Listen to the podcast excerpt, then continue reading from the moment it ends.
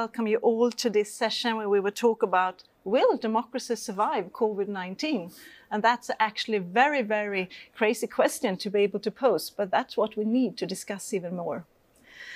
Uh, the pandemic has not only meant a lost, uh, lost lives and human tra tragedies, but has also had huge implications for democracy and fundamental rights all around the world. We have seen increased police brutality, attacks against the opposition, arrest of journalists, restrictions of civil liberties and freedom, such as freedom of assembly and of movement. Around the world, we have seen how authoritarian regimes use the pandemic to increase their power and control over their citizens. So, will a democracy survive COVID 19? We need to ask ourselves this. In this talk, we will hear our colleagues within Forum Civ, and that will give us some examples um, of when the pandemic has led to restrictions of civil freedoms, increased human rights abuses and threats to civil society. The effects of the pandemic are hitting already the vulnerable and marginalized people the hardest. And, unfortunately, shrinking democratic space was a huge problem even before the pandemic. So how will we solve this? In the light of this, we welcome that the Swedish government last year launched their Drive for Democracy. We now look forward to hear what role Sweden can play in this with their Drive for Democracy and to promote democracy as a very good tool. Uh, so we will stand up for our work for democracy, and this is more important than ever. I'm very happy, to welcome Björn Humerdal, who is working as a political advisor for the Minister of International Development Cooperation, Peter Eriksson. Thank you. Very welcome, Björn. Thank you so much. And then I have my colleagues here as well from Forum Civ. Welcome to all of you three. Uh, we have Jackson Obare, who is the regional manager of uh, Hub Eastern and Southern Africa. Welcome, Jackson. And we also have Laura Bonilla, who is the regional manager for Latin America and Caribbean. And you are up very early in Colombia today, Laura. Very good. It's three o'clock in your country, I think. and then, uh, least but not last, of course, we have Ksenia Paksima, who is the sub-granting officer for Eastern Europe. Very warm welcome to all three of you. Thank you. So um, I will actually start by handing over to you, Jackson.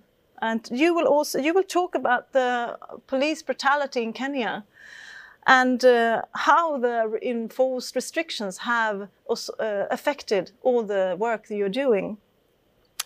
So, is it possible for civil society to act and carry on its, its activities today? Please enlighten us, Jackson, and give us some examples.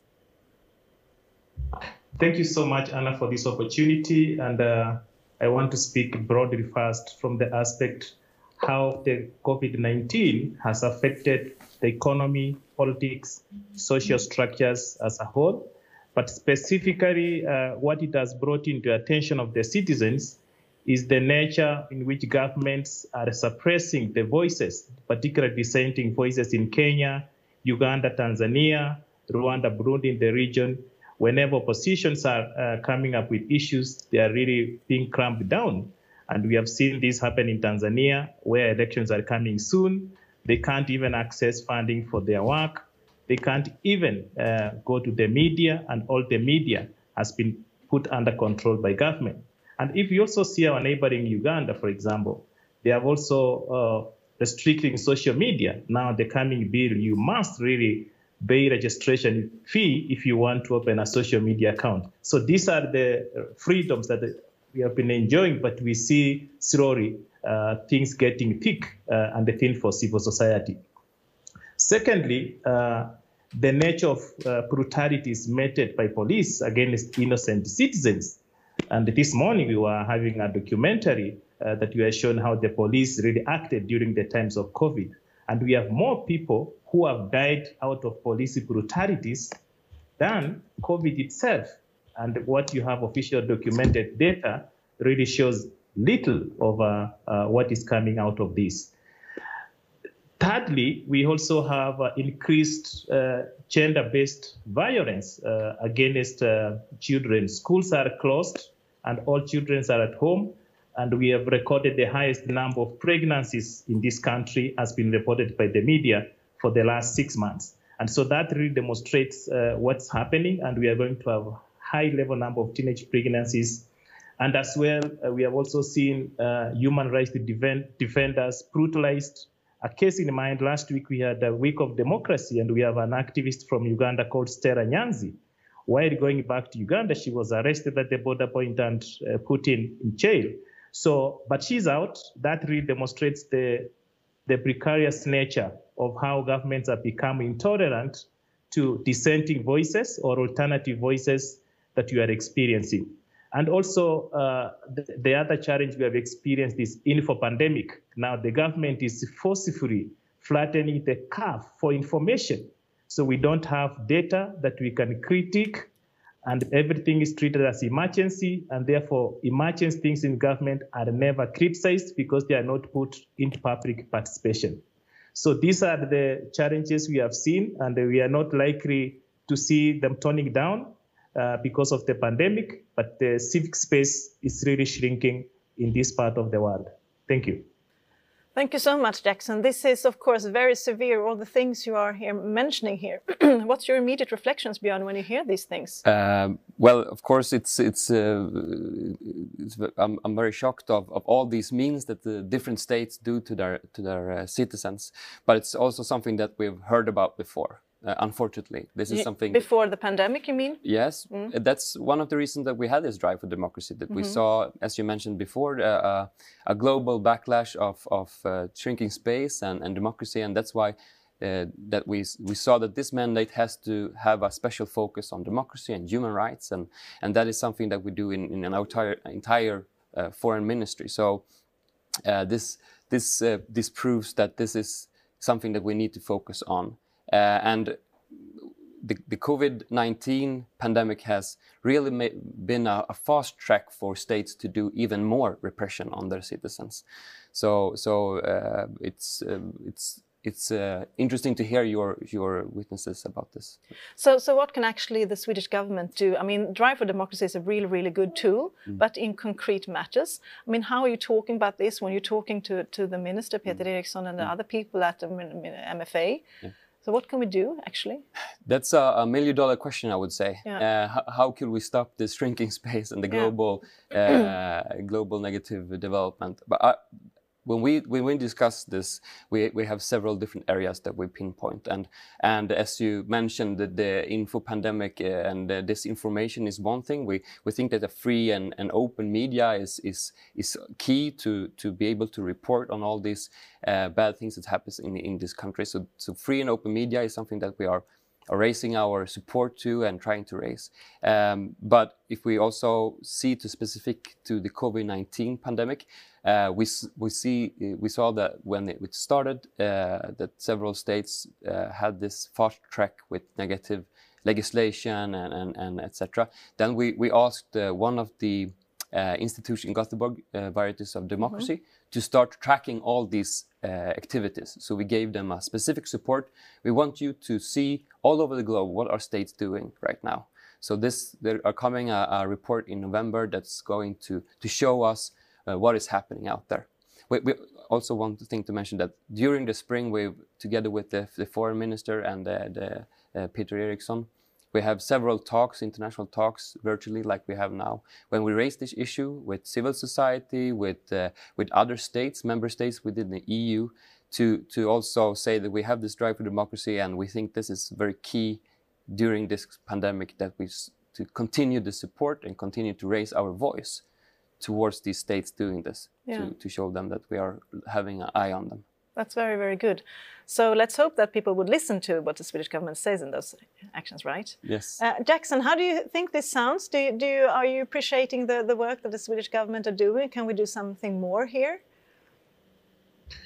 Um, we are appreciating the work done by the Swedish government, but uh, basically looking for more um, uh, partnership in terms of strengthening the work of uh, achieving drive for democracy, incorporating the youth, the creative economy actors, informal groups, networks, and the private sector. I think that multi-sectoral approach will make us drive and achieve more in terms of drive for democracy and guaranteeing uh, civil liberties.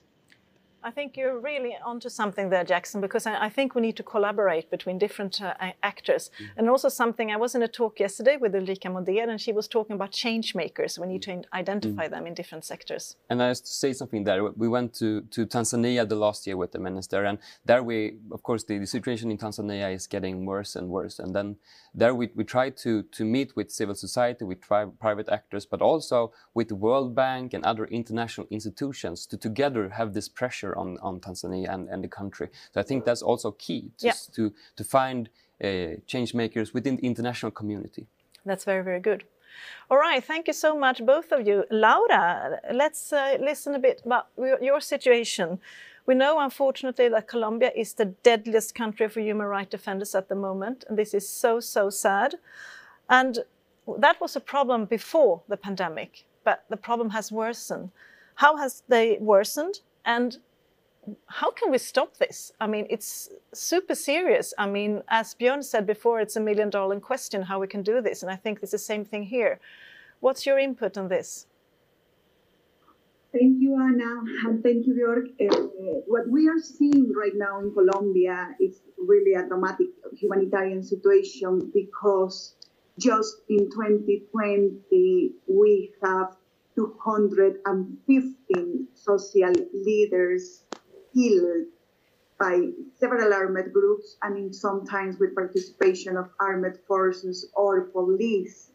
And uh, the most important thing to keep in mind here is that these kind of murders are systematically uh, because after the peace agreement that we signed with FARC, we live a very calm period for two years uh, in the early implementation of the peace agreement. And then in 2019, uh, we started to see how to, you know, um, we start to see some social changes in the regions, and then we start to see some bad reactions and some violent reactions to some kind of leadership, especially to rural leaderships in the country. For example, uh, right now the leaderships or social, uh, the social leaders working for environmental issues are under a big risk because they don't have nobody to protect them right now. And sometimes the armed groups are working for extractive industries or some projects and the communities, the rural communities against, for example, so, uh, mining big projects are in high risk. And uh, indigenous communities are seeing this year how the, the massacres uh, are increasing. So right now we have 50 five massacres in just one year and a half. And this is a very dramatic number. And uh, how to stop this? Well, of course, this is a million dollar question, as you say. But I think that it's very important to keep uh, and to increase the support to civil society because that kind of um, executions to the leadership in the country implies that we are breaking the social contract of democracy. And if we cannot provide enough support and protection to the social leaders and some political leaders, of course, in the country right now, we are not really supporting democracy. Uh, and we should continue um, the support with the civil society organizations because civil society in Colombia is quite big, quite strong, and quite vibrant and active, and uh, it's very important uh, to maintain the level of the support. And also, it's very important at the diplomatic level to keep alive the diplomacy in favor of peace, because right now uh, there is like a double speech in, uh, on government side uh, about this because in front of international sector they say that we want to accomplish the peace agreement but we are not able to accomplish the peace agreement or we are not able to protect the people in the regions but inside the country the speech is very different. The, uh, the species like uh, we are not going to accomplish the peace agreement because we don't like this kind of disagreements with the guerrillas. And I, and I, and I think that it's very good to keep uh, this message in favor of peace as Sweden of course, is a very important country on this. Great, thank you so much, uh, Laura, for this uh, very sad picture you're, you're giving us here. Yeah, and, and again, Björn, what's your reaction of this? No, but we, we've heard of this, uh, and, and, and the situation in Colombia is starting to be very acute, I would say. Uh, so, so the minister talked to the embassy last week just on this issue to address that we we think this is a, a priority for the Swedish government to to look at and to see uh, how can we stop this this uh, intensive uh, murdering and, and etc. by the government. So I think this is is very uh, very key for us. But just to say how we are working strategic with this issue as well, we have I think there's two levels. We have this big big picture where we have we have different strategies for different countries and regions. And and now we are looking into our strategies to Colombia but also to the region. And of course we also we are also a green parties we also think that environment uh, is, is is needed to be protected. But we also have to see that this is interconnected. So if you want to protect the environment it's also the environmentalists that are, are the hardest hit. So we need to see that if we wanted to have this protection for the environment, we also need to see and pinpoint that the, these need protection from us as well. So that is something that we try to, that we are uh, writing explicitly in our strategies and our communications to, to SIDA, especially or, or the government in Colombia. But we also have uh, specific support. So through civil rights defenders, we've uh, initiated uh, more more funding to to their fund so they can help uh, specific persons being protected, being able to go out from the from the country or or getting uh, hidden in in a, in a somewhere and get it protected. So I think we have to work from from different uh, levels in this issue. So yeah, yeah, uh, I think we need to do that in all those questions. But but also, Laura, what you're mentioning here is civil society and the importance of civil society yeah. as it's civil society is. I mean, there it's strong in all of our regions that we're working in. But I think, as Laura mentioned here mm. in Colombia, it's very very strong. So mm. how can we support that even more? Yes, we have a we have a big support to the civil society. I think that's that's a foundation for the Swedish uh, foreign aid. So I, I think that we, we are continuing to, to raise our support to the civil society, but we also need to create the space that mm. they need to be able to work. And that is, I think, through policy making, but also through conversation and, and also explicit pointing out when we talk to Colombia or other government to say, so this is something that they have a right to do. They have the right to work in this country. They have a right mm. to demonstrate or to, to, to express their views towards it, you have to you have to to protect them as yeah. well. Are you also talking to the Swedish companies that will be operating within this region because they have a crucial role, I would say? Yeah, yeah, of course. That's that's also part of the agenda 30, 2030 uh, yeah. to to have a holistic way of, of dealing with this. So within the Swedish government, uh, we, we we also need to have this holistic picture. I I agree with that. Yeah. and we also need to to have so the, the Minister for Foreign Aid and, and the, the Minister for Trade can't have two separate uh, works. They have to be together and see what are, are going together as well. So yeah, I, I, and also I think that we have a good dialogue with the other uh, ministers in the foreign department. So they're very good, and with the embassy, as you mentioned as well. Of course, of course. So how do you think this sounds, Laura? Do you have any more suggestions to give to Björn? I think that it's very good. I, I, was very happy to be invited to participate in the strategy for Latin America and the Caribbean and also for Colombia. And I think that, you know, we are in the right path uh, doing this. And maybe one suggestion is that if we can connect uh, even more uh, business and human rights with the situation right now in the whole continent, not only in Colombia, but specifically in some key parts in the region, like, for example, the Amazonas. Mm. So I think that we could promote some kind of Amazonic dialogue and connect some countries like Brazil, like Colombia, Peru, and Ecuador, mm. because the situation in the Amazonas is, is, exactly the situation that you are describing. You sh- we should protect the environmentalists and we should protect the activists. Um, but at the same time, we should protect the Amazonas because it's something very important for the world in terms of climate change.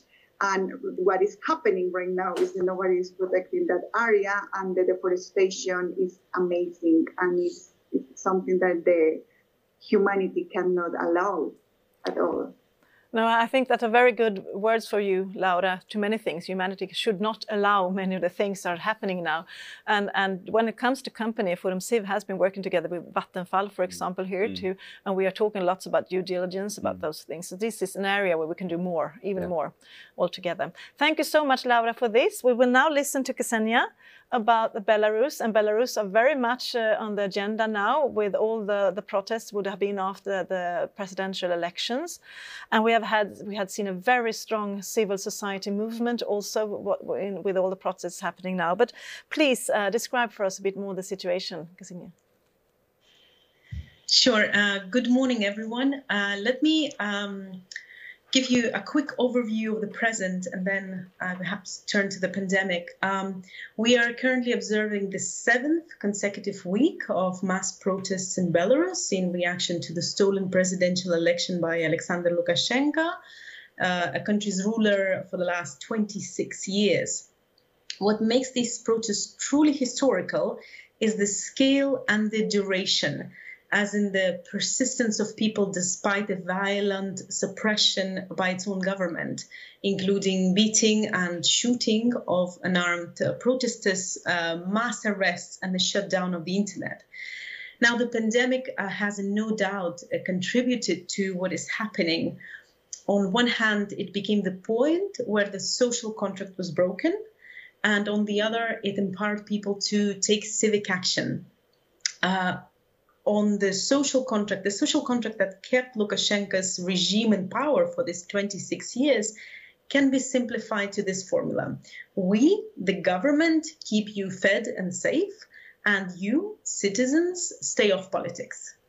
However, during the pandemic, Belarusian government broke this contract by failing to keep people safe. It has refused to introduce quarantine measures. It continued holding mass events. Moreover, uh, Alexander Lukashenko mocked the pandemic, calling it a global outbreak of psychosis.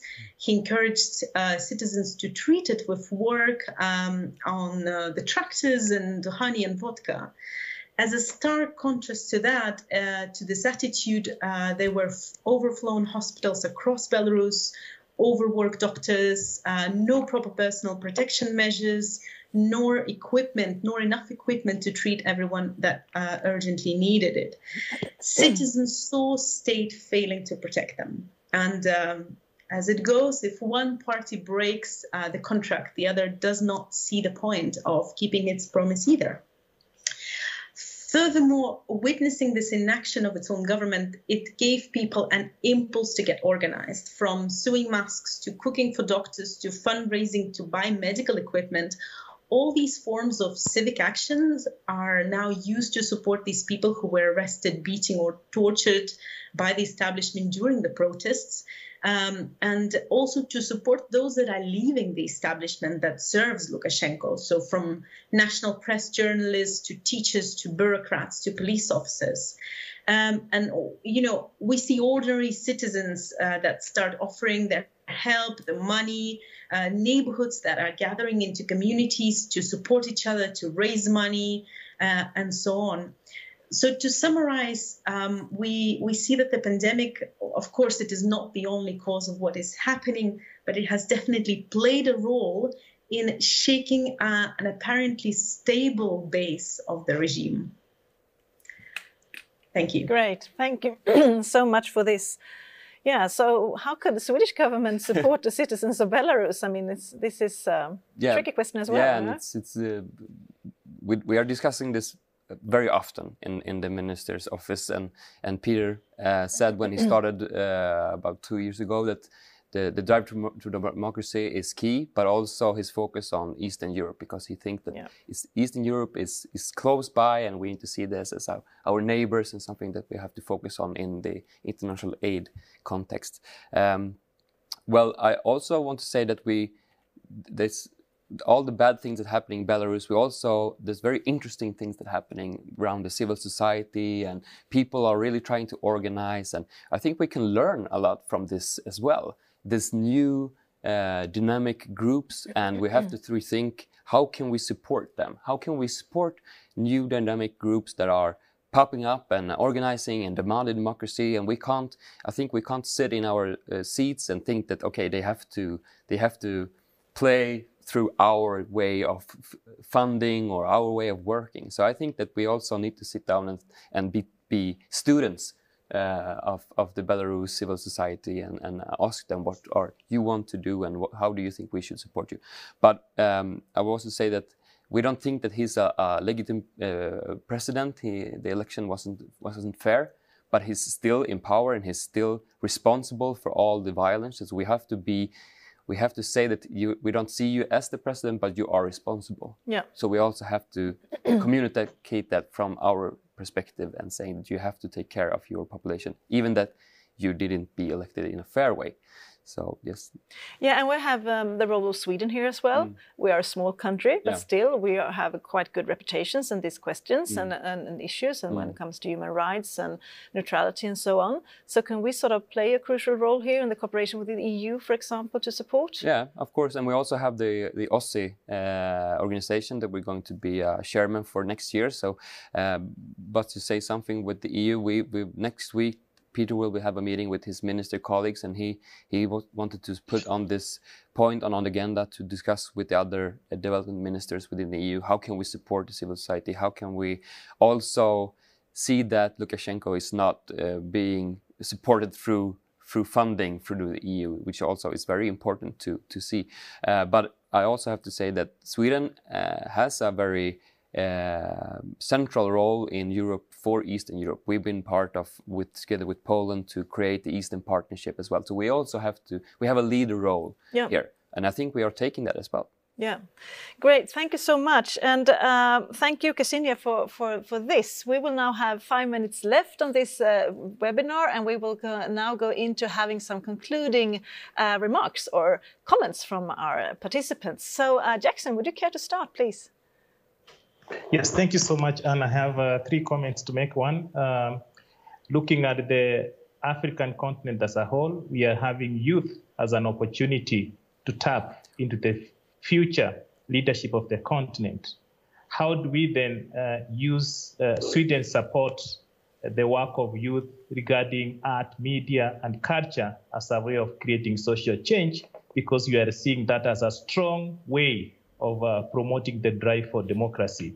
So that's one. The second one, uh, comment is about form of a question It's about endemic corruption and we know endemic corruption or systemic corruption is affecting the fundamentals of democracy in many economies and how then do we um, get a support from sweden or sweden swedish government supporting this work globally and in particular where we are working the region uh, to get rid of that. And that we have cases of COVID-19 funds that have gone into the hands of few, but that is more than that. The third and final one, uh, Swedish uh, partners, working with local partners, we have been experiencing transfer of funds issues, particularly to Uganda, uh, in the pretext of anti-money laundering. You can imagine funds from Sweden treated like they are money laundering in Uganda how can again the government be able to support on this for the work of civil societies? Thank you. Thank you so much, Jackson, for this. Uh, Laura, would like to comment? So add on? Yes, I, I, I, really want to reinforce the idea of Jackson there and the support to the anti-corruption agenda is key, uh, not only in these uh, post-COVID times, we can say post-COVID right now, uh, but also is key for protection of uh, human rights defenders and environmentalist defenders and civil society organizations. This is very important to keep in mind, and also it's very important to accomplish the results of Agenda 2030. This is the key point that uh, could be uh, could make a difference in the Agenda 2030.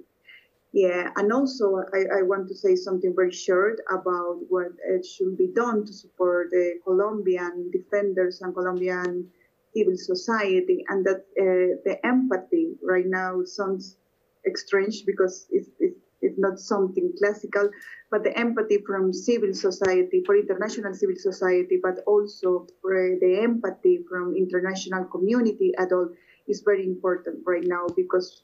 Uh, people, especially young people and especially indigenous people and women are feeling right now like invisible people. Thank you so much, Laura. We will definitely take this with us. And Ksenia?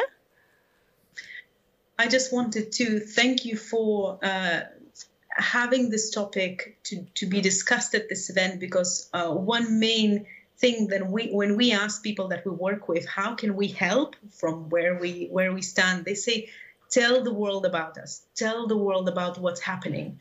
And i think what we're doing here is really important to really expose what's happening and to make sure that the voices of these people are heard uh, far beyond their own countries. So thank you.